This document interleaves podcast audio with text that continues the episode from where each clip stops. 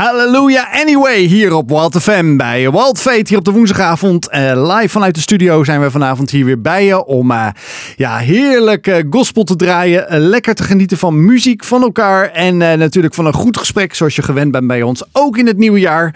Want natuurlijk heb je vorige week ook Sander Wuister hier bij ons gehoord. Die ja, een indrukwekkend verhaal deelde en vertelde. Althans, ik vond het van wel. Dus ik ben ook heel benieuwd. Heb je nou reacties of wil je nou eigenlijk ook dat boek ja, uh, lezen. Of misschien ook wel dat je denkt, wat was het ook alweer? Ga dan eventjes uh, naar, de, naar de socials terug van uh, Wild FM. Of stuur even een uh, e-mailtje naar studio.twr.nl. Studio.twr.nl, want daar kan ik jou doorverwijzen naar Sander Wuister en, en zijn indrukwekkende ja, reis en ja, woorden van leven, zoals zijn boek heet. kan je dan misschien zelf wel bestellen bij de grotere boekhandels in Nederland. Maar dat is natuurlijk geweest, want we gaan vandaag vooruitkijken en dat doe ik eh, met eh, niemand minder natuurlijk aan mijn eh, zijde. Altijd aan de linkerkant, want zo gaat dat in de studio hier. Ja, Marije, goedenavond. Ja, goedenavond juist. Nieuwjaar. Ja, we zitten alweer tien dagen in dat nieuwe jaar. En weet je wat ik als altijd weer denk? Tot hoe lang mag ik nou iemand eigenlijk officieel een gelukkig nieuwjaar oh, wensen? Ja, Want ik, dat is toch de achtste, of niet? Ik heb echt geen idee. En ik moet dat toch eens goed ergens gaan opstaan in mijn eigen harde schijven. Want ik weet het nog steeds niet. Nou, bij deze de beste wensen, Joost. Ja, maar dat had je al gezegd tegen me. maar misschien eh, dat we ja, in ieder geval ook uh, onze gast van vanavond uh, natuurlijk het allerbeste toewensen. Want we hebben weer ja, echt een hele toffe gast aan het begin van het nieuwe jaar gevonden. Die echt in zo'n strak schema zit. En dat is niet omdat hij nou de wereld overvliegt. Dat doet hij ook wel trouwens. Maar ja, iemand die zoveel focus heeft in zijn dagelijkse leven. Die alles afweegt. Inclusief zijn eten, zijn tijd, zijn slaap, zijn rust. Want dat be beïnvloedt hem namelijk op alles wat hij doet. En ja, daarin rijdt hij op rijdt hij graag voor zijn ontspanning op vierwielen in zijn auto. Maar hij is gewoon ook een world champion op vierwielen in zijn rolstoel. En het is niemand minder dan uh, Lito die hier vanavond de gast is. Leuk dat je er bent, man. Goedenavond en uh, de beste mensen nog. Ja, nou, ja hij pakt hem nog mee hoor. dat kan nu nog, toch? Ja, wel ja, joh. Dat, dat kan allemaal hier bij Walter Fam. Dat is natuurlijk ook geen enkel probleem. Maar uh, leuk dat je er bent. En ik zie heel erg uit naar je verhaal. Want ja, als jij tijd kan maken om toch ook je verhaal te delen hier bij ons. Dat vind ik wel heel tof. Want je bent ook iemand die daadwerkelijk echt alle tijd, letterlijk en figuurlijk, moet inplannen om uiteindelijk eh, topfit te zijn en te blijven voor wat je graag doet. En dat is namelijk niets minder dan topsport, maar ook alles wat daarbij hoort. Dus het is niet alleen voor jezelf, maar ook juist om het te delen aan vele anderen. En daar gaan we vanavond meer over horen. Maar dat doen we niet voordat wij Wild Fate geluksmoment. een geluksmomentje hebben gehoord vanavond van Marije. Vertel eens. Ja, kijk, nou, uh, oud en nieuw is een beetje voorbij. Kerst is geweest en dan gaan we zo langzamerhand een beetje richting Valentijnsdag. Ja, nee, we gaan vooral naar langere dagen. Dat vind ik wel leuk. Een heel Valentijnsdag. Valentijnsdag. Ja, en uh, wij, uh, wij zijn bezig met de lancering van nieuwe gesprekskaartjes uh, rondom de liefde. En dit keer gaat het over, dat heet de Intimate Box. En dat gaat juist over seksualiteit en intimiteit. misschien wel juist omdat zoveel relaties stuk lopen op thema's als seksualiteit. Dus we dachten, hé, hey, daar gaan we wat voor doen. En dus waar ik zo gelukkig van ben, is dat het gelukt is om daar een heel tof iets in te ontwikkelen.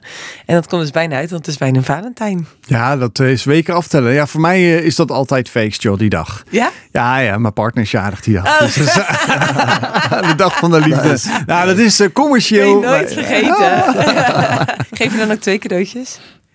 Nou, meld meerdere vaak. Ja. Dus dat, dat, gaat, ja, dan komt dat wel goed. ja, hey Lito, heb je ook iets waarvan je zegt... Ja, dat is echt iets wat ik met de luisteraars zou willen delen. Een geluksmomentje. Ja, ik ben, waar ik heel erg dankbaar voor ben, is dat we weer, uh, dat we weer een nieuw jaar hebben gehaald, überhaupt. En uh, eh, 1 februari ga ik voor het allereerst naar Dubai. Wauw. Um, Dubai was eigenlijk al een, een, droom als kind zijn om naartoe te kunnen. Um, en nu ga ik daar naartoe om, uh, om twee races te rijden. En worden dat ook twee hele bijzondere races, omdat ik daar kan kwalificeren voor de Paralympische Spelen. Super spannend. Dus een kinderdroom die uitkomt Um, aan de ene kant en aan de andere kant een, een andere droom die uitkomt. Want ik ga ervan uit dat ik me gewoon ga kwalificeren daar. Ja, dus je bent topfit. Je zegt, hey, ik ben er klaar voor. Kom maar door. Ik ben er helemaal klaar voor. Ik geloof dat, uh, ik geloof dat alles op zijn plaats gaat vallen. En, uh, ja, dat is nou, mijn geluksmomentje. Bij voorbaat al gelukkig van. Ja.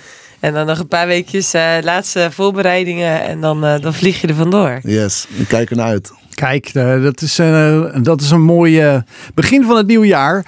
Ja, dat nieuwe jaar, dat gelukkige nieuwjaarmoment. nee, ja, dat, eh, dat heb ik ook eh, uiteraard gevierd met, uh, met heerlijk genieten van, van het gezin en de familie. Maar dat hebben we vorige week alweer achter de rug. Ja, maar dat moment toch pakken met, met de mensen om je heen om relatie te bouwen.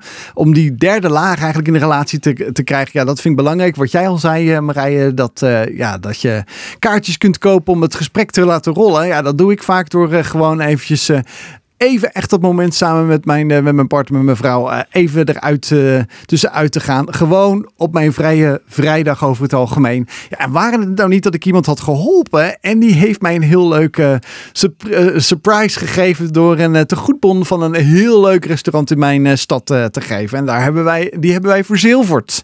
Oh, wauw. eindelijk. Dus ja, dat is natuurlijk iets wat, wat al een tijdje lag. Maar ik dacht, ja, er moet wel weer een moment voor komen. Dus juist in het nieuwe jaar moet je blijven investeren en misschien jij ook wel, dat je denkt van ja, eh, ik had zulke goede voornemens uh, gehad en er zijn er al heel veel van gesneuveld. Maar blijf vooral uh, bij het bouwen van relaties. Of het nou met je partner is, met je kinderen of met je vrienden, familie om je heen. Want ja, dat zijn toch uiteindelijk wel ja, belangrijke elementen in het leven, denk ik. Maar ja, dat eventjes terzijde natuurlijk. Wij gaan zo meteen een belletje plegen met een heel bijzonder iemand die wij vanavond introduceren hier in Wild op Wild FM.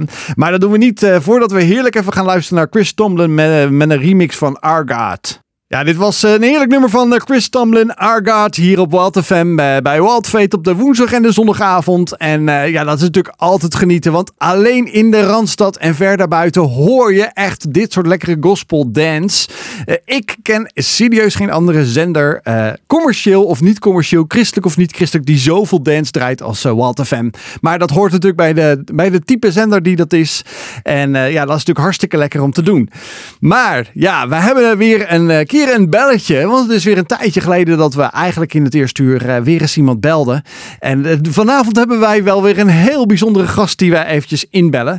Want ik heb het volgens mij hier al eens een keer vorig jaar laten vallen. Dat uh, ja, we versterking gaan krijgen in het team van Fate hier op Wild FM. En ja, dat is alleen maar tof. Want daardoor staan we alleen maar sterker. En kunnen we nog meer realiseren met elkaar. want Marije heeft even gezegd, weet je wat? Ik zie gewoon dat dingen soms uh, echt druk zijn en ik uh, een volle agenda heb en het heerlijk is om af en toe eens even afstand te nemen. Uh, naast me alle werkzaamheden die ik heb als ondernemer, ik ben fulltime bezig met radio en media. Dus voor mij is dit alleen maar leuk om te doen. Maar ja, dat was dus een zoektocht naar de geschikte kandidaat die we moesten vinden om ja, Marije te, ja, te evenaren en dan wel over te kunnen nemen. Ja, en eh, mijn zoektocht was gelukkig niet zo ver, want ik belde één iemand op die ik uh, uit het verleden ken en heel fijn mee heb samengewerkt, radio mee heb ge gedaan, jarenlang. En uh, het maar één letter verschil was met Marije. Het is niemand minder dan Marijke Willems die ik nu aan de telefoon heb. Goedenavond Marijke. Hey, goedenavond, leuk je te spreken.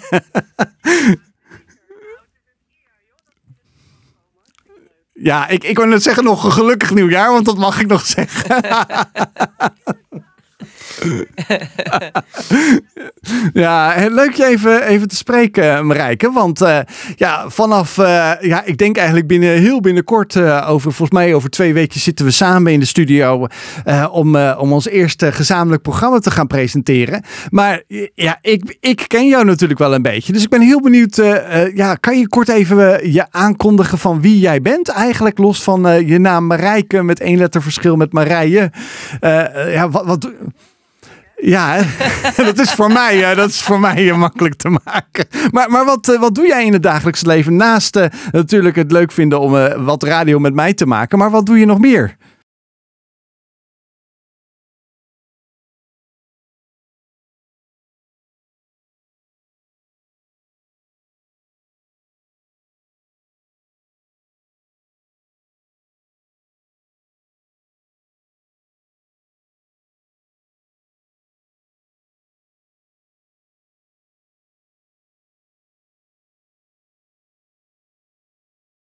Ah, kijk.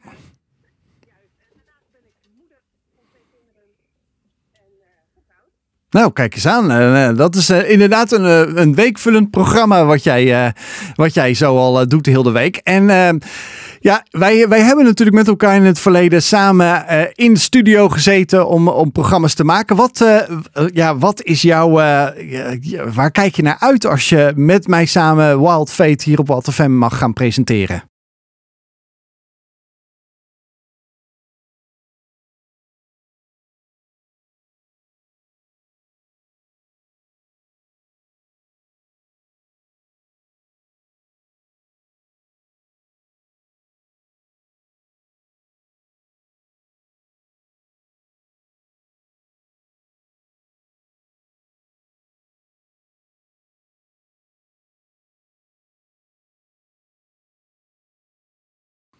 Ja, ik, ik, ja, ik, ik hoor het gelijk een beetje. En, en dat is ook het gave wat we natuurlijk samen hebben gedaan in het verleden. Door die, juist die verhalen. En hier bij Waterfam ook het, uh, het dagelijks leven met Jezus. Wat, wat houdt dat nou in? Waar, waar zie je dat in terug? Hoe, hoe ga je dat horen? Uh, hoe ga je dat zien? Dus ik zie er ook heel erg naar uit om met jou samen radio te maken, Marijke. En ja, ik wou, gelukkig hoeft er geen stokje worden overgedragen te dragen. Want ja, we blijven gewoon als een, een team bij elkaar radio maken. Marije gaat heel eventjes gewoon uh, genieten van eventjes uh, uh, in die zin meeluisteren in plaats van zelf presenteren. Maar volgens mij blijft ze, zal ze altijd heel nieuwsgierig blijven de, de komende weken. Dat ze denkt van, hm, wat gaan zij nou weer doen in die studio? toch, Marije? Nou, vast en zeker juist. En het tof is ook gewoon dat ik ook niet vertrek. Dus het is gewoon heel erg tof dat we het nu met z'n drieën gaan doen. Met alle gesprekken die we mogen gaan hebben. En jou als luisteraar ook echt blijvend gaan inspireren. En dat is gewoon heel tof. Je krijgt gewoon een extra tof iemand bij. Ja, en kijk, en het leuke is, we doen dat natuurlijk ook al met, uh, met Rien eventueel samen voor de techniek. Uh, en, en een stukje ook voor de, voor de mede-presentatie. Als ik eens een keer uh, op vakantie ben of niet kan. Maar, maar gelukkig is, blijven we zo in duo's en in balans met twee heren, twee dames, twee koppels die gewoon met elkaar kunnen blijven radio maken. En dat ga ik in het komende periode heerlijk met Marijke doen. Dus ik zie ernaar uit, Marijke, om samen met jou over een paar weken lekker in de studio te zitten. En uh, ja, de luisteraar vooral te gaan verrassen. En uh, ja, vooral ook jou weer uh, ja, te horen. Diep diven in de verhalen van de, van de luisteraar. Dus ik zeg alvast succes met de voorbereidingen.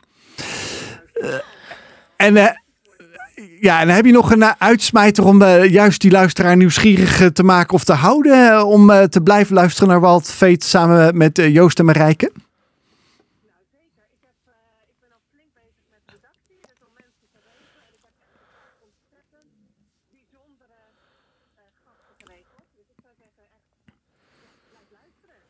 Nou, bedankt voor, uh, voor dit aanbod. En wij gaan heerlijk inderdaad vooral luisteren en blijven luisteren vanavond naar uh, een andere gospel dance nummer, namelijk Confest hier van Another Prayer. Tot, tot gauw, Marijke. Another Prayer van, uh, met het uh, nummer Confessed hier op uh, Wild FM bij Wild Fate hier op de woensdag en de zondagavond. Ja, leuk dat je luistert. We hebben zojuist met Marijke Willems gesproken, mijn, of mijn, onze nieuwe collega. en ja, die gaat heel binnenkort ook hier gezellig aanschuiven in de studio om met, met mij samen in gesprek te gaan met interessante gasten. En ja, uiteindelijk moet daar de volgende weer evenaard worden, want we hebben nu vanavond uh, Lito in de studio, die al even heel kort uh, ja, geïntroduceerd is over uh, de topsporter die die is en echt alles moet afwegen. Hoe strak is dat schema? Vraag ik mij dan serieus af. Want je bent hier nu naar de studio gekomen. Dan denk ik bij mezelf van... Hmm, ik las ergens iets in de voorbereidingen. ik moet slapen als een nachtel. Goed rusten. Kortom, oeh, dat wordt al een beetje tricky natuurlijk.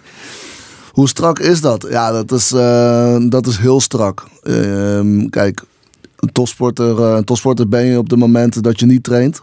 Ik denk dat trainen, dat, dat trainen voor iedereen. Nou, niet, misschien niet voor iedereen, maar trainen is voor de meeste mensen makkelijk. Als je, als je passie is om muziek te maken, dan is het makkelijk om muziek te maken. Als het je passie is om kunst te maken, is het makkelijk om kunst te maken. Maar de, en hetzelfde is voor topsport. Als het je passie is om te sporten, is het makkelijk om de sport uit te oefenen. Want het is in principe een hobby die een beroep wordt. Alleen hetgene wat daarnaast zit. Um, goed slapen, goed eten, goed je rustmomenten pakken. Kijken wat je, uh, kijken wat je doet. Want bijvoorbeeld, uh, het kan zo zijn dat ik net twee uur heb getraind. Dan moet ik op het juiste moment gaan eten om vervolgens er weer voor te kunnen zorgen dat ik nog een training kan draaien op dezelfde dag. Vervolgens kom ik thuis en moet ik een afweging maken van hé, hey, kan ik nu uh, ik heb nu vier uurtjes vrij. Kan ik nu naar buiten gaan en, en met vrienden wat leuks gaan doen? Wat ook weer een bepaalde inspanning is. Of moet ik gewoon thuis blijven op de bank en niks doen? En dat kan voor, voor heel veel mensen kan dat lijken van ja, maar je hebt nu toch vrij. Dus dan kan je nu toch gewoon eventjes meegaan. Even gezellig een drankje doen of wat dan ook. Terwijl jij weet, ja dat kan. Maar eigenlijk zou het ideaal zijn op dit moment om vier uurtjes gewoon rustig op de bank te zitten. Zodat je lichaam volledig kan herstellen. Zodat je morgen weer een goede training kan draaien. Want het zijn allemaal procentjes. Het zijn allemaal minimale procenten die ervoor zorgen dat, uh, dat je beter wordt. En dat je het level haalt wat je uiteindelijk wilt behalen om de absolute, in mijn geval dan de aller, allerbeste ooit te worden. Maar het klinkt wel ook een beetje als uh, de uitdaging of dat mensen dat ook zullen begrijpen om dat je is... heen, zeg maar. Dat ze denken, huh, maar je bent er gewoon aan het chillen op de bank. Kom ook even over. Ja, nee, dat is, uh, dat is zeker een, uit, een uitdaging. Maar ik denk dat mensen die echt dichtbij je staan, vrienden die echt, echt vrienden zijn, die begrijpen dat. Die ken je natuurlijk al een langere tijd. Dus die, die weten wat je doet. Het is vooral voor mensen van buitenaf die niet heel dicht bij je staan. Als die dan, als die dan vragen hebben, of, of ja, dan is het voor dat soort mensen vaak lastiger om te begrijpen dan, uh, dan uh, hele goede vrienden en uh, je ouders en een partner. Ja, want wat is wat je doet eigenlijk? We, we hebben het natuurlijk gehad over topsport, zeg maar. over dat je in een rolstoel zit, dat je race. Ja. wat, is jouw, wat is jouw sport? Ik doe para-racen, dus dat houdt in dus, atletiek. En dan doe ik 800 meter, 1500 meter en de 5 kilometer op de atletiekbaan. In een racerolstoel. Dus dat is een soort van driewieler. Helemaal op maat gemaakt. En dan uh, ja, rolstoelracen. En, en hoe snel gaat dat? Ik, uh, op, de, op de baan ligt mijn uh, topsnelheid ongeveer op de 35 km per uur. 35 km per uur? ja, rollen. maar ik weet dat, uh, ik weet dat, dat er ook wel eens mensen zijn geweest die 37, 38 hebben gerold. Maar dan ben je met je 35 echt al echt wel een van de top. ik ben nummer 1 van Nederland. Ik ben Nederlands kampioen. 800 en 1500 meter. Terwijl dit eigenlijk pas mijn tweede jaar is. Dus dat is heel tof. Ehm, maar uh, ja, ik zit nu op 35 en het is mijn doel om eigenlijk naar de 40 te gaan. Iets wat volgens mij nog niet bereikt is door andere atleten. Hey, heerlijk ambitieus. Dat ja, doe je zeker, bij jou in alles door gewoon. Ja, ja ik, ik heb wel echt als doel om die 40 aan te tikken. En ik geloof ook echt dat ik die 40 ga aantikken. Kijk, dat is in ieder geval ambitie zit erin. Ik heb even een, nog even een vraag daarvoor. Hè. Ik zei hoe belangrijk echt alles uh, uh, ja, te, te, wegen is. Ik heb ook wel eens zo'n nacht dat ik uh, ja, loop te draaien en, en, en, gewoon eigenlijk niet die 7,5 of 8 uur pak. Maar ja, doordat ik juist een beetje onrustig lig of niet, niet lekker kan liggen, dat ik gewoon 5 uur of ja, 6 uur slaap. Dat is natuurlijk een nachtje te, over, te overleven. Maar, maar wat heeft dan zo'n, wij spreken, slechte nacht voor jou voor een impact op, jou, op jouw topsportmoment? Um, het, heeft twee, het, het heeft twee kanten. Aan de ene kant zal je minder herstel hebben van je vorige dag omdat je ideaal gezien echt 8,5 tot 9 uur wilt slapen. Om je lichaam volledig weer te laten, uh, een volledig herstel te gunnen. Vanwege de verschillende slaapcyclussen. En dan moet je dus denken aan één slaapcyclus is anderhalf uur. En als je van die, in die anderhalf uur heb je dan remslaap, je hebt uh, lichte slaap en noem het allemaal op. Als je daar vier cyclussen of vijf cyclussen van kan draaien, op zijn minst, dan zit je aardig goed. Um, ik probeer wel eigenlijk vaak aan de zes, vijf minimaal, maar zes, het liefste zes cyclussen. Dus zes keer anderhalf uur achter elkaar te slapen. Waardoor je dus een ideaal herstel hebt. En ook belangrijk, de volgende dag dus weer de capaciteit hebt om weer diezelfde intensiteit te leveren. Als je dat niet hebt en je zit dus nog in een bepaald vermoeidheid en je moet toch die intensiteit leveren, dan betekent dat je vermoeidheid alleen maar oploopt.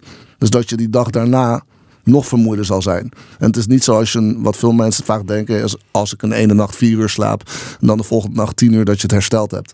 Maar dat is niet hoe slaap werkt. Als je één nacht slecht slaapt, dan heb je daar echt wel een tijdje last van. Ja, maar dat, je, je hebt het nu als een, als een topsporter erover, dat, dat goed slapen. Maar eigenlijk is het voor iedereen. Want eigenlijk zou je zeggen, uh, je, jij moet ook goed slapen, want jij herstelt ook. Het is wat op een andere manier. Maar eigenlijk is dat wel eigenlijk een algemene noem maar, maar even basisregel. Ja, slaap is een van de allerbelangrijkste gezondheids, uh, gezondheidsdingen voor, voor de mensen in het algemeen. Je ziet ook uh, wetenschappelijk bewezen dat mensen die minder goed slapen, sneller overlijden.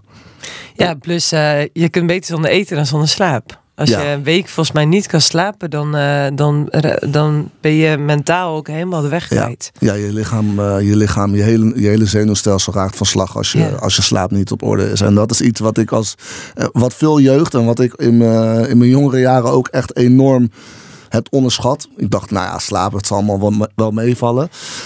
Um, maar nu dat ik een beetje meer kennis heb over de wetenschap en wat er precies met je lichaam en met je mind en met je geest gebeurt op het moment dat je niet goed slaapt, um, zie ik wel echt de essentie van slapen in. Ondanks dat ik slapen.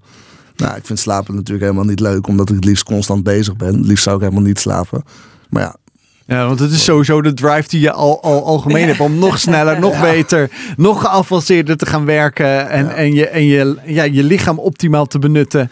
Inclusief natuurlijk de, de, de, de tools die je erbij hebt om, uh, om jou uh, goed te maken. Nou ja, dus ik denk dat hier voor, wellicht wel voor iedereen een, uh, ja, een goed voornemen ligt. Van hey, kan ik dan niet inderdaad dus zo'n zesde, anderhalf uurtje toevoegen aan mijn slaap. Dus in plaats van hey, ik tik net 7,5 aan. Ja. Durf eens uh, te gaan kijken wat als je 9 uur per nacht gaat slapen. Ja. Uh, dan uh, krijg je wellicht heel veel minder stress en burn-out klachten en spierspanning in je nek en je rug of waar dan ook allemaal. Dus ik uh, daag je bij deze uit. Nou, dat hebben we al in dat eerste half uur hebben we al zoveel uh, cadeau gekregen voor jou, uh, Lito. Ik ben heel benieuwd wat je nog meer zo met ons gaat delen. Yes. Het was Elevation Worship met Lion. Welkom terug hier bij Wild Fate op Wild FM. Wij zijn in gesprek met Lito. Hij is topsporter, racer, um, is zich helemaal aan het klaarstomen voor de Paralympics. Maar net zei je iets waarvan ik echt dacht, huh? Jij zei namelijk, ik ben nu twee jaar bezig met atletiek. Um, en ik zit nu in de top uh, 20 van, uh, van de wereld. Uh, ik ga nu 35 km per uur op een maximale snelheid. Ja. Uh, de top weet ik dat het ergens zit op 37 of 38, maar ik ga voor die 40. Yes. Maar twee jaar bezig, hoe ja. kan dat? Ja, ik heb 14 jaar lang gerosseltennist. Dus van mijn 11e tot aan mijn 25e. En uh, in het rolstoeltennis was ik uh, ook top 20 van de wereld. Um, en um, in rolstoeltennis was ik de allersnelste speler ter wereld. Je hebt een x aantal landelijke mobiliteitstesten, zoals we dat noemen. En daarbij was ik eigenlijk bij alle mobiliteitstesten de allersnelste. Dan moet je denken aan vijf meter zo snel mogelijk. Eerste vijf pushes of uh, uh, zo snel mogelijk draaien naar 10 meter en dan weer versnellen. Allemaal dat soort testen. Oh ja. Daar was ik de allersnelste in. En toen heb ik de keuze gemaakt om na de Paralympische Spelen in Tokio, waar ik dus deel heb genomen als tennisser, uh, om daarna dus te switchen naar atletiek. En uh, de, de, gedachte was eigenlijk dat ik op de 100 meter het beste zou zijn. Omdat dat uh, natuurlijk tennis is 5 meter hier, 5 meter daar. Ja, het is natuurlijk heel uh, explosief dat, ja. je, dat je ergens moet zijn. Ja, maar omdat tennis natuurlijk een intervalsport is, heb ik blijkbaar ook een goede basis gelegd om op een, 18, op een 800 meter en een 1500 meter en zelfs een 5 kilometer goed te kunnen presteren met mijn uithoudingsvermogen en toch nog een eindsprint te leveren. Dus ja, vandaar dat ik nu kan zeggen, ik heb de juiste keuze gemaakt. Zo, ja, want in twee jaar gelijk uh, zeggen van nee, ik ben echt aan het klaarstomen voor die Paralympics. Ja. Maar ook hoe ambitieus je daarin ook bent, ja. is wel echt uh, aanstekelijk. Uh, ben je altijd al zo ambitieus geweest? Is dat ook een stukje ja, karakter wat je hebt? Dat je echt zoiets hebt van nou, als ik iets voor me heb, ik bijt me erin vast, dan ga ik daar ook helemaal voor? Ja, dat is iets wat ik, wat ik als uh, van kinds af aan eigenlijk al wel uh, in me heb gehad. Ik heb altijd wel gehad dat als ik iets deed, dan wou ik dat ook extreem goed doen. Um, Lijkt me ook wel eens lastig als je dat zo zegt. Dat ja, zeker, denk, oh zeker. Ja, lukt ja. namelijk niet altijd. Of Nee. lukt bij jou altijd alles wel? Nee, nee, het lukt ook heel vaak niet. En, dan, en toen ik jong was, zeker kon dat uitdraaien op frustraties. Ehm, maar nu dat ik wat ouder ben en ook, eh, ook met mijn geloof eh, heel erg vanuit geloof leef, maakt het eigenlijk allemaal een heel stuk makkelijker. En dan bedoel ik vooral, we zijn als topsporters vaak gericht op resultaat. Coaches zijn ook gericht op resultaat. Ehm, eigenlijk mensen in het algemeen zijn vaak gericht op resultaat in wat voor werkgebied ze ook zitten. Ja, succesvol Ja. zijn is denk ik het eh, Ja, meest belangrijk. dat is vaak belangrijk. Maar wat ik heb geleerd, wat ik heb gezien, is dat het proces veel belangrijker is. En mensen zeggen altijd wel het proces, het proces. Life is a marathon, is not a sprint. Dat soort dingen. Maar totdat je echt ervaart dat het proces belangrijker is, zal er niks veranderen. En ik zie nu dat het proces, genieten van het proces, dat dat belangrijk is. Ja, want wat, wat is het verschil tussen uh, uh, zicht hebben op het proces of zicht hebben op het resultaat? Wat, wat is daarin het verschil? Als je resultaatgericht bezig bent, dan ben je eigenlijk constant afhankelijk van. Dan laat je dus eigenlijk je emotie en je gevoel bepalen afhankelijk van het uiteindelijke resultaat. Dus je hebt een bepaalde input, het werk wat je levert. En die input moet ervoor zorgen dat je een bepaald resultaat haalt. Als ik bijvoorbeeld aan het racen ben en ik ben alleen maar aan het denken: eerste worden, eerste worden, eerste worden, eerste worden. Dan vergeet ik dus mijn technische aandachtspunten, mijn mentale aandachtspunten, mijn ademhaling, allemaal procesgerichte uh, gedachten. Wat er uiteindelijk voor zorgt dat je niet eerste wordt. Terwijl als je bezig bent met ademhaling onder controle houden. Wat betekent, wat betekent dat? Vier seconden in, twee seconden uit. Eh, vier seconden in, zes seconden uit. Of uh, handen goed neerzetten bij het, bij het rollen. Zorg dat je je handen in de goede positie hebt. Schouderspanning. Dat zijn allemaal procesgerichte taken waarmee je ervoor zorgt dat je controle hebt over je situatie. En die procesgerichte taken die moet je van, van, van tevoren bepalen. Waarbij jij zegt van oké, ja, ik wil een bepaald resultaat halen. Dat is leuk. Dat ligt over vier jaar misschien. Of over drie jaar. Of misschien wel deze wedstrijd. Maar welk proces is er nodig om dat resultaat te behalen? En dan genieten van het proces. Dus genieten van het bezig zijn met die aandachtspunten. Dat zorgt voor blijdschap. En dat zorgt voor controle en uiteindelijk voor een resultaat. Ja, ik denk dat dat een hele mooie parallel is ook voor het leven. Ja. Dat we allemaal maar gejaagd bezig zijn omdat we denken ik moet dat bereiken. En hoe grote teleurstelling als dat dus niet lukt. Of hè, jij wordt niet aangenomen op die functie. Of het lukt je toch niet. Of je, je wil graag uh, vermogen opbouwen wat vandaag de dag ook zo'n groot thema is. En je merkt hè, eigenlijk is de realiteit veel weerbarstiger. Hè, laat dat ook zo zijn. Dat is het eerlijke verhaal. Maar daarin juist te mogen weten van hey, je mag echt uh, focussen. Je mag echt ergens voor gaan. Maar vergeet niet dat juist het plezier wellicht ook wel. Maar ook de groei en de ja, mogelijkheden juist in het proces liggen. Waar je ook echt van mag genieten. Dat is, dat is het 100%. Uiteindelijk eh, neem ik mijn topsportgedachten mee naar het dagelijks leven. En maakt dat het leven voor mij heel makkelijk. Want als, ik tegen, als, als de meeste mensen tegenslagen hebben dan gaan ze daar slecht mee om. Dan worden ze verdrietig of boos of emotioneel. Terwijl als ik een tegenslag heb, dan word ik dan word ik excited. Dan kijk ik van oké, hoe ga ik hiermee om? Wat komt hieruit? Hoe groei ik hierin? En dat is een bepaalde mindset waarbij je, wat er dus voor zorgt dat je eigenlijk nooit, laat ik me even depressief noemen, nooit depressief in het leven staat. Omdat je constant bezig bent met wat, wat leer ik uit deze situatie? Het geeft zo enorm veel vreugde en het maakt het leven ook, het maakt het leven heel makkelijk. Waren het altijd al gedachten van, uh, ja, van, van noem maar even, van hoop, van positiviteit in je, in je eigen leven? Nee, absoluut niet. Nee, ik heb de reden waarom ik hier zo enorm in gegroeid ben en mee bezig ben en zoveel kennis ook heb op het gebied van mentaal en geestelijk sterk zijn, is omdat ik als jonge jongen zijnde mentaal en geestelijk dus allerzwakste was. Ik had juist enorm veel stress. Ik had veel frustraties, heel veel vragen. Waarom zit ik in een rolstoel? Waarom ben ik geadopteerd? Want ik ben geadopteerd uit Brazilië. Waarom heb ik een handicap? Waarom kan ik niet rennen? Dus allemaal waarom vragen. Waarom heeft het leven mij in deze situatie geplaatst? En ik kon geen antwoorden vinden. Dus ging ik blowen. Ik ging blowen om die vragen te ontwijken. En om een lang verhaal kort te maken, misschien straks weer langer, ben ik uiteindelijk op mijn achttiende, had ik nog steeds die frustratie. Ik was al wel topsporter, maar ik had die frustratie. Uh, ben ik op een feestje geweest. Kwam ik uiteindelijk op een afterparty bij twee dames thuis. Die vroegen mij of ik. Uh, nou, ze hadden me meegevraagd naar huis. Dat, dat had ik gedaan. We waren aan het drinken. En op een gegeven moment stond er een flesje Fanta op tafel. Ik dronk uit dat flesje. Bleek pure GHB te zijn.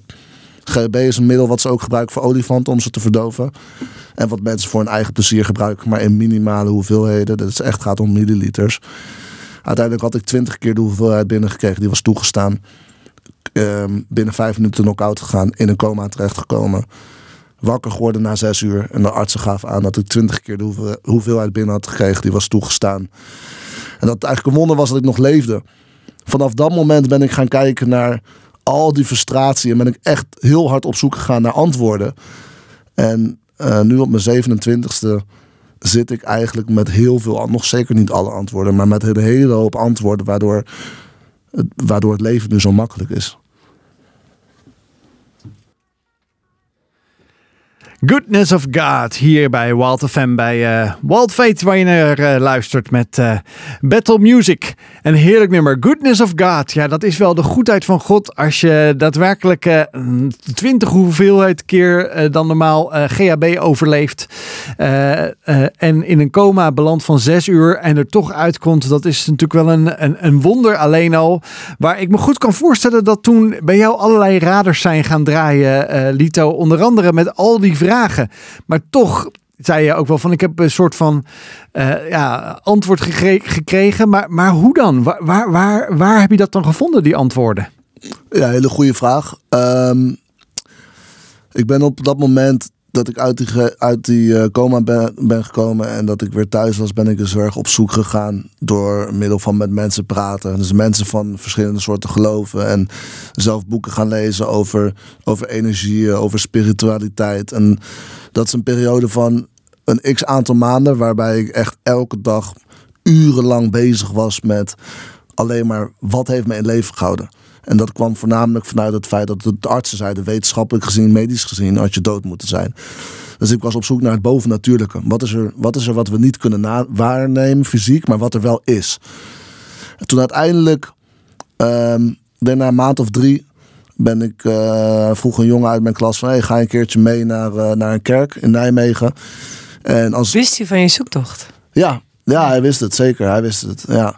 Uh, ik denk dat iedereen op dat moment in mijn klas al wist dat ik in coma terecht was gekomen. En uh, ook dat ik bezig was met de zoektocht van hey, wie ben ik, waar kom ik, wat, hoe ben ik nog levend, hoe kan dat? En hij zei van, uh, hij speelde American football, want het was een klas voor of een school voor topsporters. Hij speelde American football, hij zei ga je een keertje mee naar de, naar de kerk. En ik had, op, dat, op dat moment stond ik natuurlijk heel erg open voor alles om te onderzoeken. Dus ik ben meegegaan. En daar heb ik tijdens een aanbidding, ik wist niet wat een aanbidding was, maar tijdens een aanbidding uh, heb ik toen iets gevoeld fysiek. Uh, echt een fysieke kracht, een fysieke liefde en een rust wat over me heen kwam van binnenuit. Waarbij ik wist, hey, dit is hetgene wat mij levend heeft gehouden. Dit is, dit is hetgene wat wij niet kunnen waarnemen, maar wat wel bestaat. En dat was, dat was de liefde van God. Het lijkt me zo bizar dat je, dat je die kracht herkent, maar nog niet weet wie degene is die die kracht is. Ja. Dat is ook, ja, is, is ook heel bizar. En ik kon het op dat moment koppelen omdat ik in de kerk was. En we waren, we waren God aan het aanbidden door middel van muziek. Ja, want aanbidden uh, is dat er muziek, uh, ja, in muziek is, dat er gezongen wordt. Ja. En juist daar, dus in die muziek, lag dus iets heel krachtigs voor jou. Ja, daar ervaarde ik, daar ervaarde ik iets fysieks wat ik nog nooit had ervaren. En uh, toen was het duidelijk, hey, dit, is, dit is God. En dit is, hetgeen, dit is degene die mij levend heeft gehouden. En toen kon ik mijn zoektocht dus vernauwen en makkelijk maken, gericht op: oké, wie is God? Wie is Jezus? Wie is, ja, wat is dit? Ja, en, en je zei van nee, ik had echt heel veel vragen. Waarom zit ik in een rolstoel? Uh, waarom ben ik geadopteerd? Waarom is het leven zo uh, geweest? Ja. Um, kreeg je daar ook met die ontmoeting met God daarin ook antwoorden op? Niet direct, niet direct. Um, op dat moment ben ik me dus meer gaan verdiepen in, in het geloof. En um, kijken wie, wie God is. En daarin ook zien wie ik ben, wat mijn identiteit is. En heb ik mijn identiteit als persoon zijn dus gevonden in de identiteit van God. Wie ik dus ben als zijn kind zijn, uh, geschapen in zijn evenbeeld. Dus voor mij was het op een gegeven moment van oké, als ik God beter leer kennen, dan leer ik mezelf ook kennen. En um, dat is, een, dat is een, een journey die begonnen is in 2014. 2015, sorry. En dat is nu nog steeds bezig. Ik, ik geloof dat je nooit klaar bent met zoeken. En ik, ben, ik geloof dat ik. Ik geloof dat wat ik op dit moment geloof, dat dat niet de volledige waarheid is. Ja, er dus valt nog altijd meer te ontdekken. Precies. Ja. Ik, ja, en daar sta ik heel erg voor open. Dat, dat, dat mijn wetenschap van God, dat dat blijft groeien. Mijn kennis van God en mijn kennis van mezelf, dat dat elke dag blijft groeien. Maar ik heb zeker wel een hele hoop antwoorden. Ja, ja dat is een hele mooie tweede uitnodiging eigenlijk vandaag. Om daarin voor jezelf na te gaan. Heb je ook van die, eh, zo, van die echt van die vragen waar je van zegt van nou, daar wil ik echt antwoord op krijgen. Ehm, ja, ga op zoek en uh, verken of dat God daarin uh, voor jou ook een basis kan zijn. Uh, wij hadden in november een gesprek met Naomi Appelhof.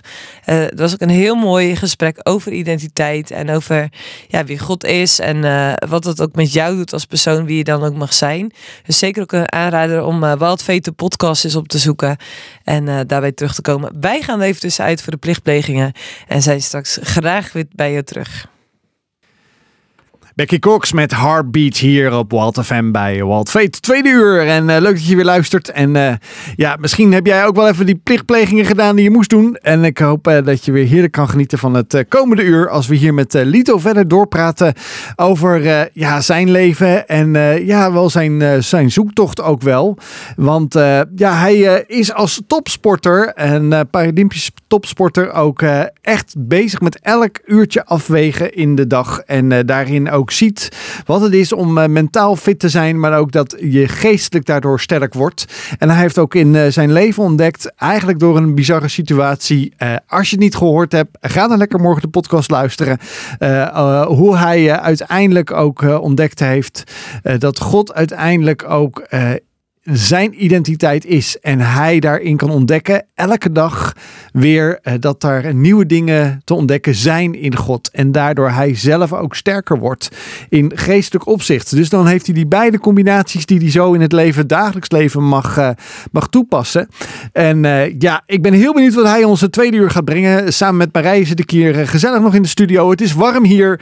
we hebben een tweede bakje koffie erbij om lekker wakker te blijven en natuurlijk de allerbeste gospel te draaien. Maar ja, wij gaan wel dat tweede uur altijd die machine weer starten. Ook in het nieuwe jaar. Ben jij er klaar voor? Thuis, maar ook. Lito, ben jij er klaar voor? Ik ben er klaar voor. Waar neem jij ons mee naartoe vanavond in de Bijbel? Ik neem jullie mee naar een, een verhaal waarin, uh, waarin Jezus een, een parable. Uh, een parable, wat is dat? Een, een parable, gelijkenis. gelijkenis. gelijkenis uitlegt ja. aan, uh, aan de discipelen. Ik ben heel benieuwd, vertel. Ja, de gelijkenis gaat als volgt. Er is een meester en die heeft drie knechten. En die meester die gaat voor een, voor een bepaalde tijd weg. Maar die, die meester wil dat die knechten zijn, zijn geld, zijn vermogen gaan investeren en gaan vermeerderen. Dus aan de eerste knecht geeft de meester vijf talenten. En een talent in die tijd stond voor een. Het had te maken met, met financiële waarde. Dus je, laten we zeggen, vijf talenten. Laten we even zeggen 500 euro.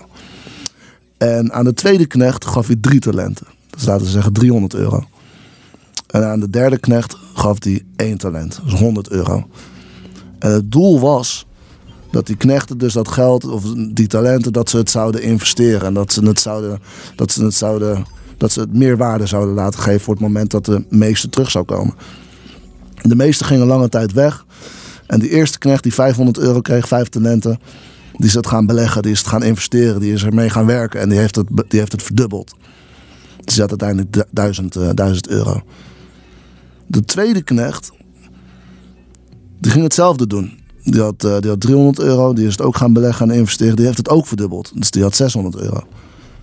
En de derde knecht, de derde knecht was een beetje koppig. Die had 100 euro, die had één talent, 100 euro. En die heeft gezegd, ja, mijn meester. Is een beetje, eh, het, is een, strenge meester. Dus wat ik ga doen, ik ga die 100 euro gewoon begraven. Ik ga er niks mee doen. Ik ga het begraven, zodat als de meester terugkomt, dan heb ik in ieder geval die 100 euro nog. En dan kan hij daar niks van zeggen. Uiteindelijk kwam de meester terug. En degene, de, degene met vijf talenten, met 500 euro die het verdubbeld had, daar was hij trots op. Hij zei, goed gedaan, je hebt het goed gedaan. Je hebt, je hebt wat ik jou gegeven heb, heb je gebruikt.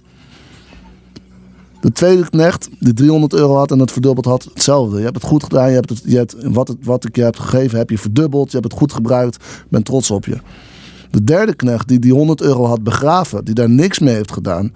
Daartegen zei hij van, jij bent, jij bent geen goede knecht. Je hebt, het, je hebt het begraven, je hebt, je hebt er niks mee gedaan. En al die tijd had je het op zijn minst kunnen beleggen. Je had er op zijn minst iets aan, iets aan meerwaarde uit kunnen halen. Maar je hebt er niks mee gedaan.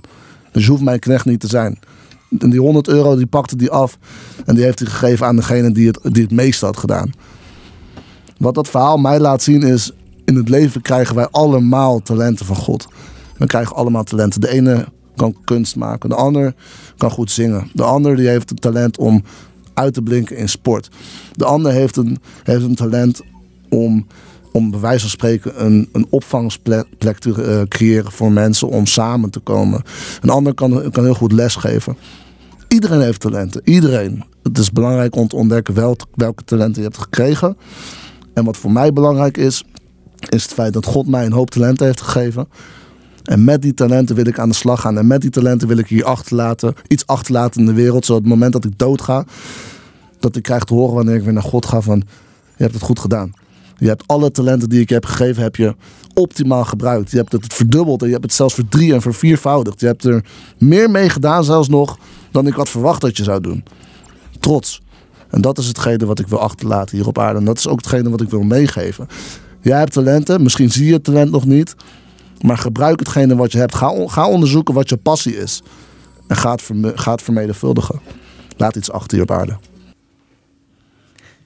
Welkom terug bij Wild Fate hier op Wild FM. Dit was One Thing van Hillsong. Ja, we zitten vanavond in de studio met uh, Lito, Lito King. Hij is uh, topsporter en nam ons net mee naar een bijbelverhaal uh, in de tijdmachine. Ja, dat staat in Matthäus 25. In Matthäus en de andere drie boeken die op daarop volgen... zijn de ooggetuigenverslagen van het leven Jezus hier op aarde. En hij vertelde echt heel veel verhalen. En Lito zei, ik ga een verhaal met je delen over ja, een gelijkenis over, over een rijke man die dus drie uh, mannen wat toevertrouwde. Ja, eigenlijk een uitnodiging ook om daar te gaan vermenigvuldigen, om daar goed rentmeester van te zijn. En eentje dacht, nou, daar maar, ik, ik begraaf het gewoon. Ja. En die, uh, die man die kwam weer terug en die zei, had het dan op de bank gezet uh, als jullie van een rente gekregen, maar het te begraven. Met echt een oproep van jou, Clito, om, uh, om je talenten te gaan verkennen yes. en, en te zien hoe je daarin van betekenis kunt zijn. En wat je ook zo mooi zei, dan ook op, aan het einde, als je, als je doodgaat, ook iets achter te laten hier op aarde. Ja. Wat is dat voor jou, zeg maar? Dat je zegt van, hé, hey, dat is een talent wat ik ontdekt heb. En daarin wil ik ook echt iets achterlaten hier op aarde. Zo, dat was mijn maag. Goeie Tijd avond. eten. Goeie avond, etenstijd. Nee, uh, wat dat voor mij is... Ik heb mijn, uh, ik heb mijn levenspurpose opgeschreven als in... Het is mijn... Laat ik de eerste even houden bij mijn purpose. Mijn purpose en mijn, de roeping van mijn leven is miljoenen mensen inspireren om op zoek te gaan naar hun identiteit. En doordat ze hun identiteit vinden, dus wie ben ik, ook een purpose vinden. En dat is de vraag, waarom ben ik hier? Dus er zijn twee, twee levensvragen die essentieel zijn. Wie ben ik, waarom ben ik hier? En dat is hetgene waar ik hier voor op aarde ben. Om in alles wat ik doe, die purpose uit te dragen. Met... Dat is wel, wel heel bijzonder, want je zei, ik ben geadopteerd. Ja. Uh, uh, ik ben beperkt geboren. Ik zit in een rolstoel. Ja. Ik heb zelf eigenlijk al die vragen gehad, ook toen ik opgroeide. Ja. Daarmee ben ik eigenlijk naast dat ik al toen al uh, topsporter was, ook echt wel op zoek gegaan naar oké, hoe deal ik hiermee? Uh, ja. Dus je bent gaan blowen. Uiteindelijk heb je echt een soort van ja, stopmoment gehad in je leven dat je in coma lag omdat je per ongeluk uh, dacht van te, te drinken, maar dat was, dat was GHB. Ja. Ja, merk je dan ook echt dat vanuit jouw eigen zoektocht daarin zo dat jouw verlangen geworden is? Dat je zegt, hè, dat is echt hetgene wat ik ook echt wil doen hier in het leven? Ja, ja, absoluut. Omdat ik heb gezien dat die twee vragen, wat het met je kan doen, dat het zoveel frustratie kan opleveren en dat niemand eigenlijk het antwoord van buitenaf voor je heeft. En tegelijkertijd het besef van, hé, hey, ik ben niet de enige met die vragen. Waarschijnlijk kan 95% van de wereldbevolking geen antwoord geven op beide vragen. Ja, Misschien wie ben één. Wat is maar, maar, maar niet op twee. Misschien 5% van alle mensen op aarde kunnen er echt, echt antwoord op geven. En ik heb gezien dat als je antwoord hebt op die vragen, dan, dan, dan wordt je leven zo simpel. Want dan weet je dus wat er wel bij hoort en wat er niet bij hoort. En mijn purpose, we gaan even terug. Jij gaf aan wat is dan jouw talent? Ik denk dat ik een aantal talenten heb. Mijn talent aan de ene kant is, is sport. Ik ben enorm explosief. Ik heb een uithoudingsvermogen waar je u tegen zegt. Snelle armen. Um, misschien wel een van de snelste armen ter wereld qua frequentie. En daarnaast heb ik een talent om te spreken. Ik vind of een passie om te spreken. Dus motivational speeches, podcast. Nou ja, hier nu in het radiostation. Maakt niet zo uit. Maar spreken. Ik geef veel motivational speeches. Spreek ook op bedrijven en verslavingsklinieken. Ik denk dat dat mijn twee grootste talenten zijn die God mij gegeven heeft. En met die talenten probeer ik dus constant mijn verhaal te delen. En mijn verhaal leidt altijd naar de twee vragen. Wie ben ik? Waarom ben ik hier? Wie ben jij? Waarom ben jij hier? Ja, ik ben wel benieuwd, Joost. Uh, jij antwoord op beide vragen? Wie ben ik en waarom ben je hier?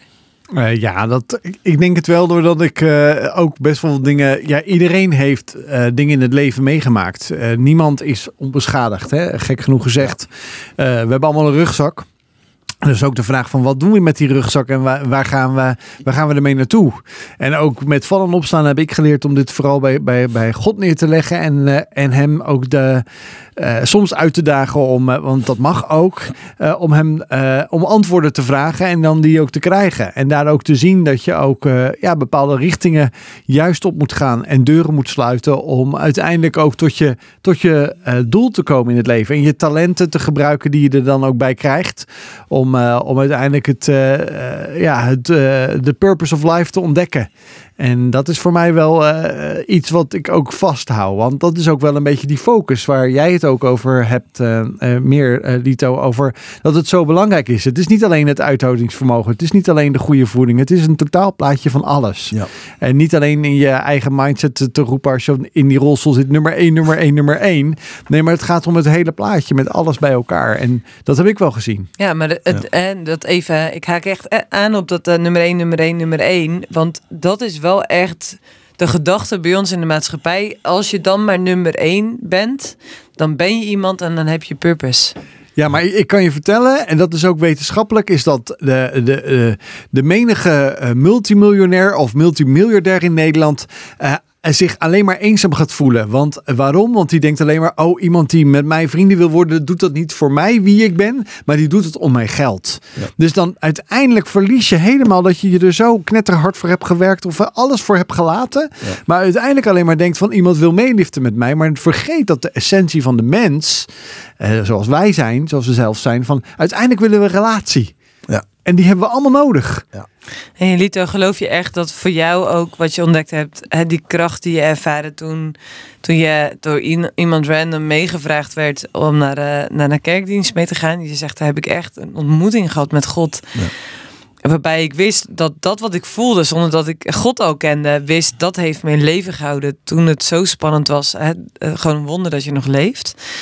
Geloof je ook echt dat als het gaat over identiteit en over wie je bent, dat echt ook het allerbelangrijkste is dat je, eh, wanneer je God leert kennen, dat dat het beste jezelf kennen is? Ja, 100 procent. Want um, ik heb daar een mooi voorbeeld van. Ik ben geboren in Brazilië en geadopteerd. Dus ik dacht, als ik weet wie mijn ouders zijn, dan weet ik wie ik ben. Want als kind zijn, als baby zijn, kijk je als eerste naar degene die je opvoeden. Dus je kijkt als eerste naar je ouders. Als je dan geen fysieke kenmerken ziet die relateren met hoe jij bent. Dus ik heb uh, Nederlandse ouders omdat ik geadopteerd ben.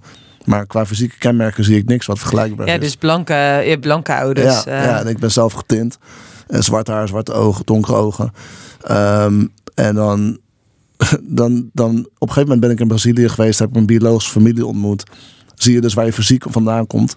Fysiek weten wat je achtergrond is, betekent niks gewoon hard gezegd, dat laat niet zien wie je bent. Ja, dus dat denk ik wel een belangrijke noemer. Hè? Dus als je hiermee al lang mee worstelt, als je nu luistert en je denkt, hè, als ik maar weet wie mijn biologische moeder of vader is, of als ik maar weet waar ik vandaan kom, dan zou ik dat wel weten. Jij zegt dat is eigenlijk een illusie. Ja, dat is een illusie. 100% illusie. Want ik dacht persoonlijk van als ik dat weet, dan zou ik wel meer over mezelf te weten komen. Maar en dat was niet zo. De ouders die weten ook niet wie ze zijn.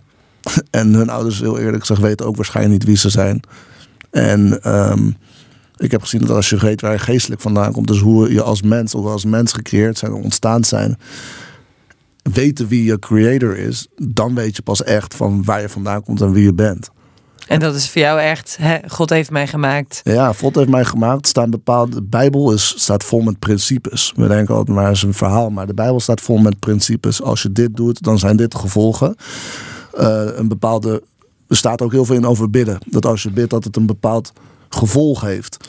Dus wat het voor mij was toen ik op mijn zoektocht was van oké, dan ga ik dat dus uitproberen. Want als dit, als dit waar is, als deze principes kloppen, dan moet dat dus ook waar zijn. Er staat in de Bijbel dat we zullen, zieken voor, voor, uh, zullen bidden voor zieken en dat ze zullen genezen. Dus vol geloof ben ik dat gaan uitproberen en het gebeurde. Dus ik heb gezien dat de principes die in de Bijbel staan, als je die inderdaad uitvoert, geloof is ook een principe trouwens, belangrijk om te weten. Ehm, dat het klopt. En dat is iets wat je niet in, wat, je, wat niemand je op aarde gaat leren. Dat krijg je niet in, dat krijg je in de meest hoge academische opleiding krijg je dat niet te, niet te leren. Maar in de Bijbel staan al die antwoorden. Net zoals dat je nu love of attraction hebt en zo. Vragen, geloven en ontvangt. Ja, dat is een Bijbels principe. vragen, geloven en ontvangen is een Bijbels principe. Maar dan moet je wel weten wat geloof inhoudt. En als jij een beetje twijfel hebt over hetgene wat je, waar, waar je voor vraagt, dat betekent dat je geen geloof hebt. Want geloof is 100% zekerheid van hetgene wat we niet kunnen zien, maar toch een zekerheid hebben dat het er is. En ik heb dat, dat heb ik in het begin van mijn geloof heel sterk gehad, omdat ik het allemaal aan het uitproberen was. En vanuit daaruit kan ik nu zeggen van ja, wat, wat in de Bijbel staat, al die principes en dus ook degene die erachter staat, dat klopt, dat is, dat is echt. Welkom terug hier bij Wild Fate op Wild FM. Dit was uh, J Turbo met Shepard. Ja, we zitten vanavond in de studio met uh, Lito. Echt uh, enorm boeiend wat hij allemaal vertelt. Ik zei net al tegen men, wij kunnen echt uren met jou in de studio zitten.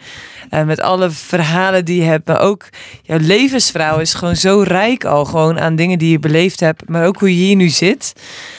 als topsporter, je leven op orde. Uh, terwijl eigenlijk jouw ontstaan gewoon echt een uh, was. Dat je zei van, hè, ik ben beperkt geboren, ik ben geadopteerd, in Nederland gekomen. Heel veel vragen gehad van, oké, als ik naar mijn ouders kijk, kan ik me daar niet mee identificeren. Ik moet terug naar mijn geboorteland om te weten wie ik ben. En daaraan gekomen zijnde, kom je eigenlijk tot de conclusie, zo werkt dat eigenlijk niet. Ja.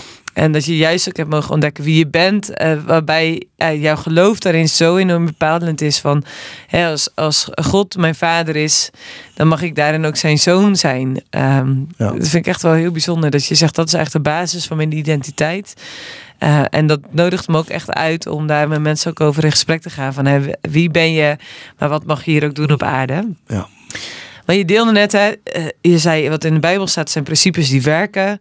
Uh, er staat, hè, uh, ga bidden voor mensen die ziek zijn, dan zullen zij genezen. En ik dacht echt, ja, maar even serieus, jij zit in een rolstoel. Ja, ja dat is een hele goede vraag en een vraag die ik ook heel vaak krijg. En dan is het belangrijk om ziek zijn te definiëren. En ik zie het ziek zijn als iets wat jou belemmert om je purpose te kunnen uitvoeren. Als jij dus hetgene niet kan doen wat, waar je voor geroepen bent, dus misschien ben jij geroepen om te zingen, dan heb je keelkanker. Even een heel heftig voorstel, voorbeeld dan ben je ziek. Want dan kan je dus niet je purpose uitvoeren. Maar ik zit hier nu waarschijnlijk omdat ik topsport bedrijf. Daarom ben ik hier. En ik heb media-aandacht en platformen omdat ik topsport bedrijf. En ik bedrijf topsport waarschijnlijk door het verhaal wat ik heb. Dus door de handicap en door mijn adaptatie mee. Doordat ik geadopteerd ben. Dus mijn hele achtergrond. Mijn handicap zorgde dus voor dat ik eigenlijk een platform heb gekregen. En dat ik op, het, op, de, op de plek ben waar ik zou moeten zijn toen ik jong was, had ik longproblemen, hartproblemen, nierproblemen, blaasproblemen. En dat definieer ik allemaal als ziek zijn, want dat belemmerde mij om, de om te kunnen sporten. Maar ik ben over mijn hartproblemen heen gegroeid, want ik heb een mechanische hartklep, hartoperatie gehad. Ik heb astma gehad als jonge jongen. Astma ben ik volledig vrij van. Ik had nieren waarvoor ik elk jaar getest moest worden. En een grotere kans was dat het fout zou gaan dan goed gaan. Maar daar ben ik helemaal overheen gegroeid. En ik had elk jaar meerdere blaasontstekingen. En mijn laatste blaasontsteking is nu, uh, was toen ik tien was. Oh, zo. Dus al die dingen die mij, mij belemmerden om, te, om optimaal te kunnen presteren, die zijn weg. En nu ben ik op weg om de allerbeste ooit te worden in de topsport. Eh, in de para, para rolstoelracer. En zit ik hier met jullie om dit verhaal te delen en aan te geven aan de luisteraar. Dat het belangrijk is om te kijken ongeacht jouw beperking, wat jouw talent is en wat, uh, wat je op dit moment misschien belemmert om, om dat talent te optimaliseren. Ja, en, en dat je dan ook zo sterk zegt van hé, hey, uh, ik weet dus heel goed wie ik ben en waarom dat ik hier ben. Ja. Dat geeft eigenlijk ook heel goed zicht op datgene wat ik hier mag doen op aarde. Geeft dat een stuk rust? Ja, enorm. Enorm. Want het is niet meer, je, bent niet meer bezig met constant moeilijke keuzes maken. De keuzes zijn makkelijk. Eerst, eerst blode ik. Nu weet ik van ja, als ik nu ga blowen, wat voor effect zou dat hebben op mijn, op mijn, op mijn carrière en op mijn purpose?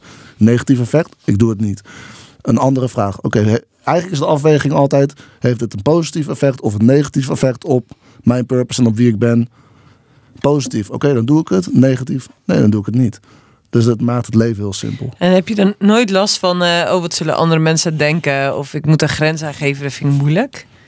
Nee, toen ik jong was had ik uh, veel problemen met, oh, met wel de mening van anderen. Omdat je in de rol zit, dus er zijn vooroordelen. Maar nu sta ik helemaal vrij van wat andere mensen denken. En het is goed dat je het eigenlijk zegt. Want veel mensen het leven wandelen niet in hun purpose. Omdat ze juist bang zijn voor wat andere mensen denken.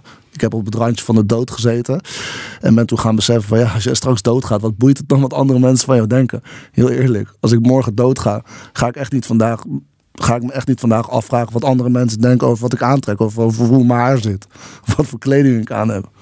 Ja, maar dat is natuurlijk wel het, het lastige, denk ik. Ik denk dat de meeste mensen dat enorm zullen herkennen. Dat je juist kiest eh, om de goede vrede te behouden. Of juist kiest om andere mensen te pleasen. Of juist. Ja. Ehm, en dan is de vraag: wat is kip of het ei? Weet je je purpose niet en kun je daarom dus niet kiezen? Ja.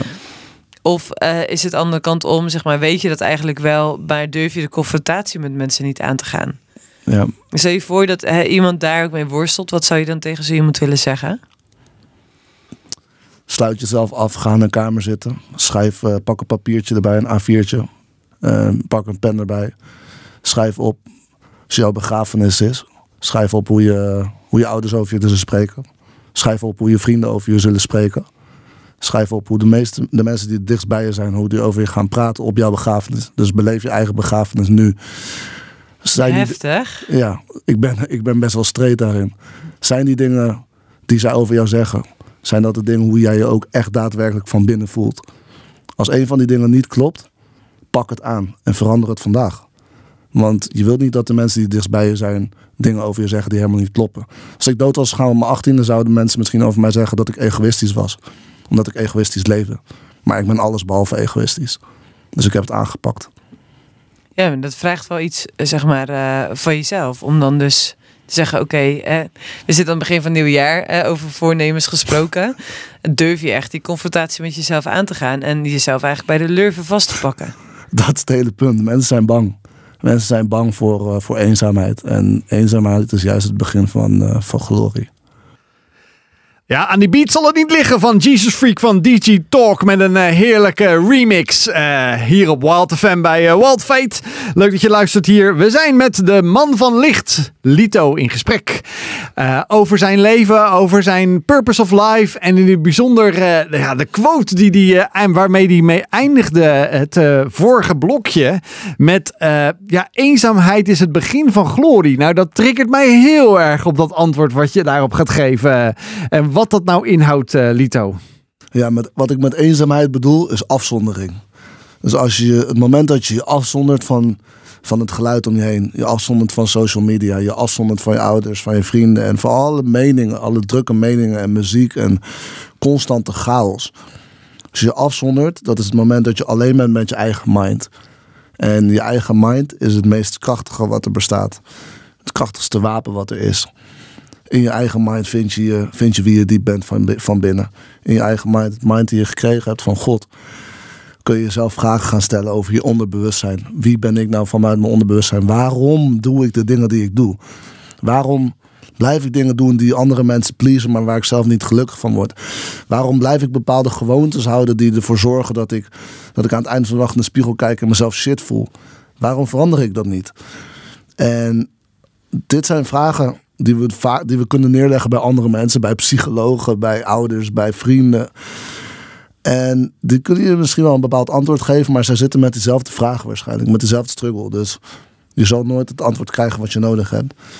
Als je alleen bent, als je je afzondert, als je in eenzaamheid zit en jezelf dus echt durft af te vragen van hé, hey, wie ben ik? Waarom ben ik hier?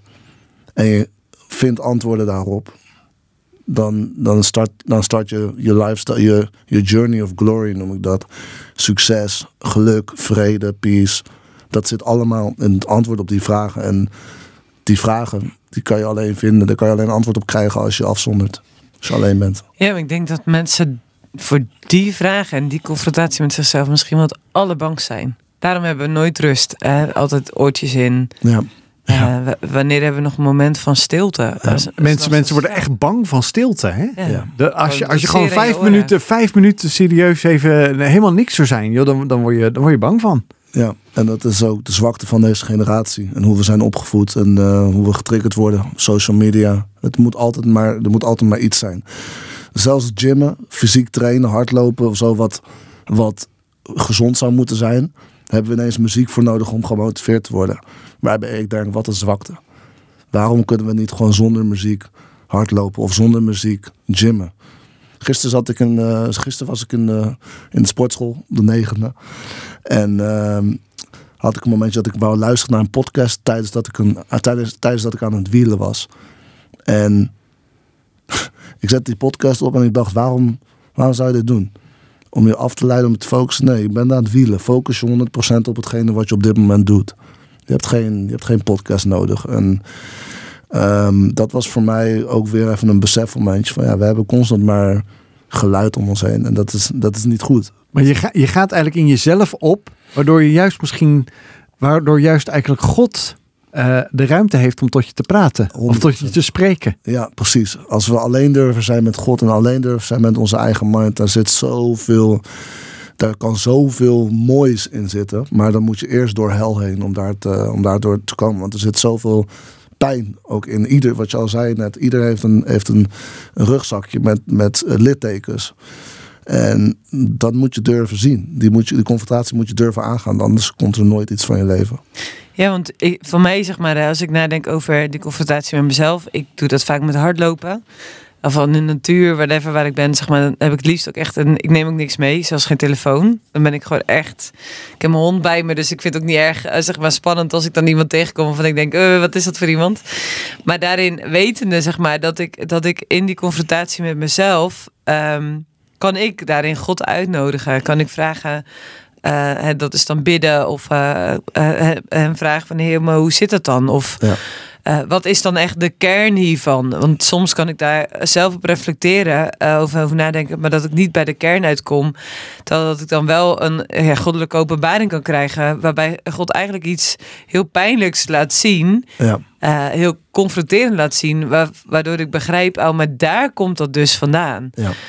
Uh, zodat ik dat vervolgens dan ook uh, daarmee kan dealen of dat in de openheid kan brengen of, of gewoon voor mezelf daar een proces in aan kan gaan.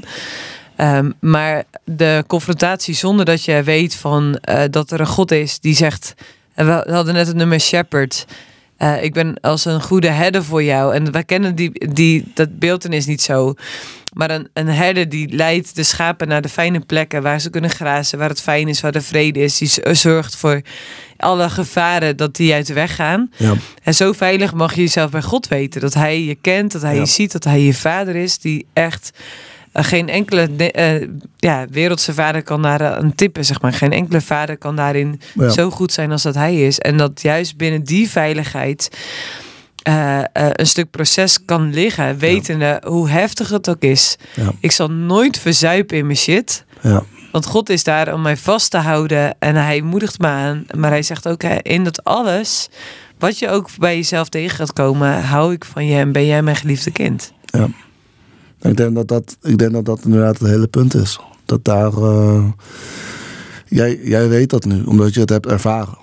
Uh, maar er zijn zoveel mensen die nooit op die journey gaan die nooit op onderzoek uitgaan naar wie, niet wie ben ik fysiek, maar wie ben ik geestelijk, wie ben ik echt. En als je dit durft, te, als je op zoek durft te gaan naar wie je echt bent, dus daar wil ik, wil ik mensen ook gelijk voor uitnodigen en uitdagen. Zelfs van oké, je wilt graag weten, je wilt graag goed worden en iets.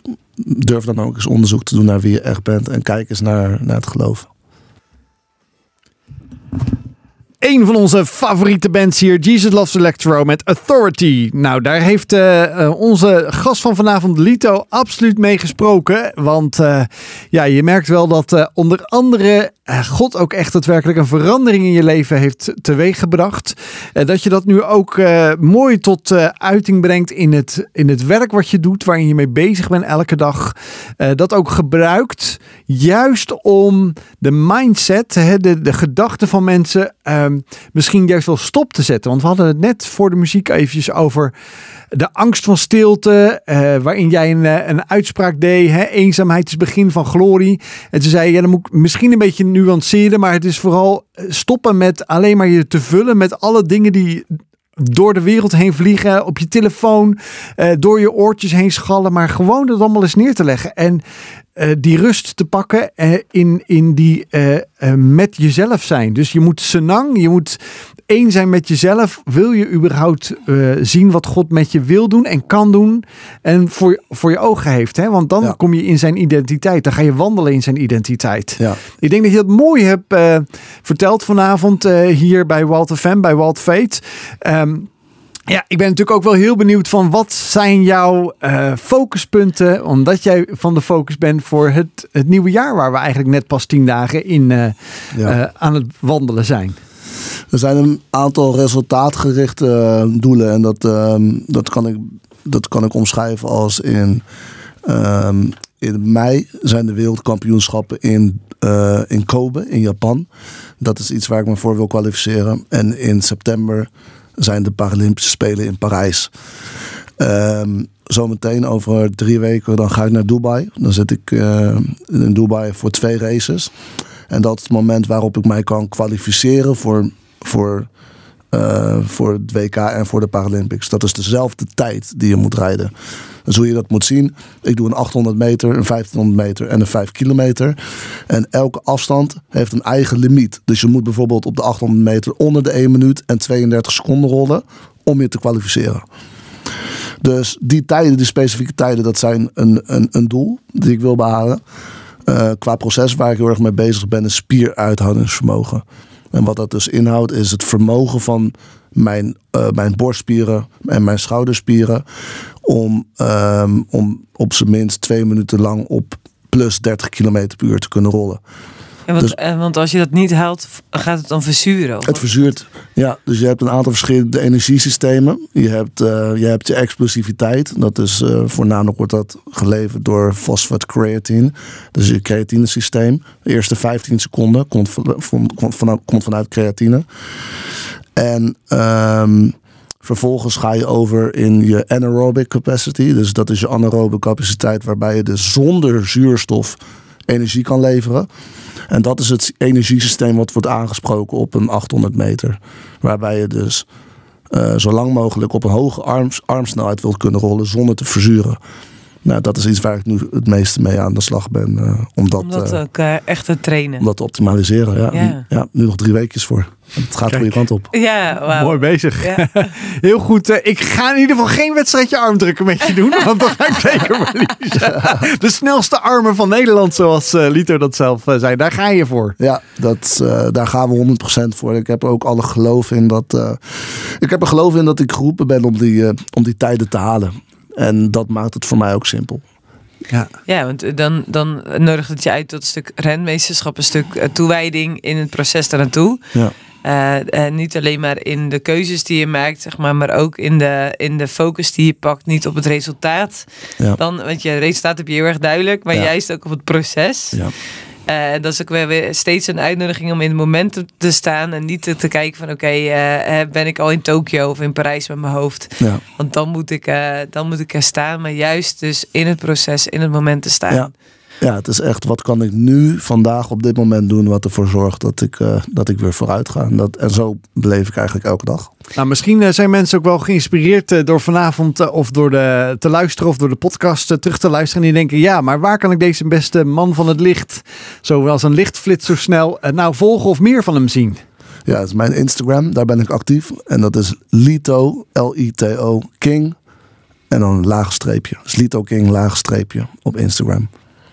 Nou, ik zou zeggen, ga volgen. Want los van dat je zijn sportprestaties ziet, zie je misschien ook wel andere motivational uh, uh, speeches of mooie quotes die je kunnen helpen om na te denken over jouw doel van het leven. Van jou, waar jij, uh, waarom jij hier op aarde bent. Ja. En hoe Lito dat ontdekt heeft, waarom hij hier geplaatst is. En dat je, je dat helemaal turned around, dus die 180 graden hebt gemaakt.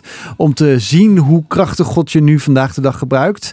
Ik ben geïnspireerd door vanavond. Uh, en ik hoop jij thuis ook. En Marije, jij ook. Ja, ik heb echt genoten van het gesprek. En uh, ja, echt, ik blijf je volgen. Ik volgde je al om gewoon uh, jouw avonturen te zien. Maar ook, de, man, wat een levenswijsheid zit er in jou. En uh, daar kunnen we allemaal ook veel van leren. Um, En ook het mooie dat je daarin zegt, uiteindelijk is God daarin voor mij de basis. Hè? Dus we kunnen jouw woorden, zeg maar, er zit heel veel kracht in. Maar daarin ook de diepe realisatie, hey, er is dus een God die van jou houdt. En die zegt, hey, ik wil alles geven voor jou uh, om ook in relatie met jou te leven. De tijd zit er weer op voor vanavond. Dus uh, volgende week zijn we er gewoon gezellig weer hier bij Walt FM met uh, Walt Fate. Ik hoop dat je geïnspireerd bent. Laat ook wat weten als je misschien wel denkt van ik wil uh, meer weten over het geloof. Of ik heb een inspirerende spreker die misschien wel een keer hier uitgenodigd kan worden. Laat het even weten via studio.twr.nl Ik zeg alvast een hele goede avond. En Lito voor jou heel veel succes met de voorbereidingen. Want over drie weken moet je lekker knallen in Dubai. Dankjewel en bedankt dat ik hier mocht zijn. Zeker. Tot volgende week.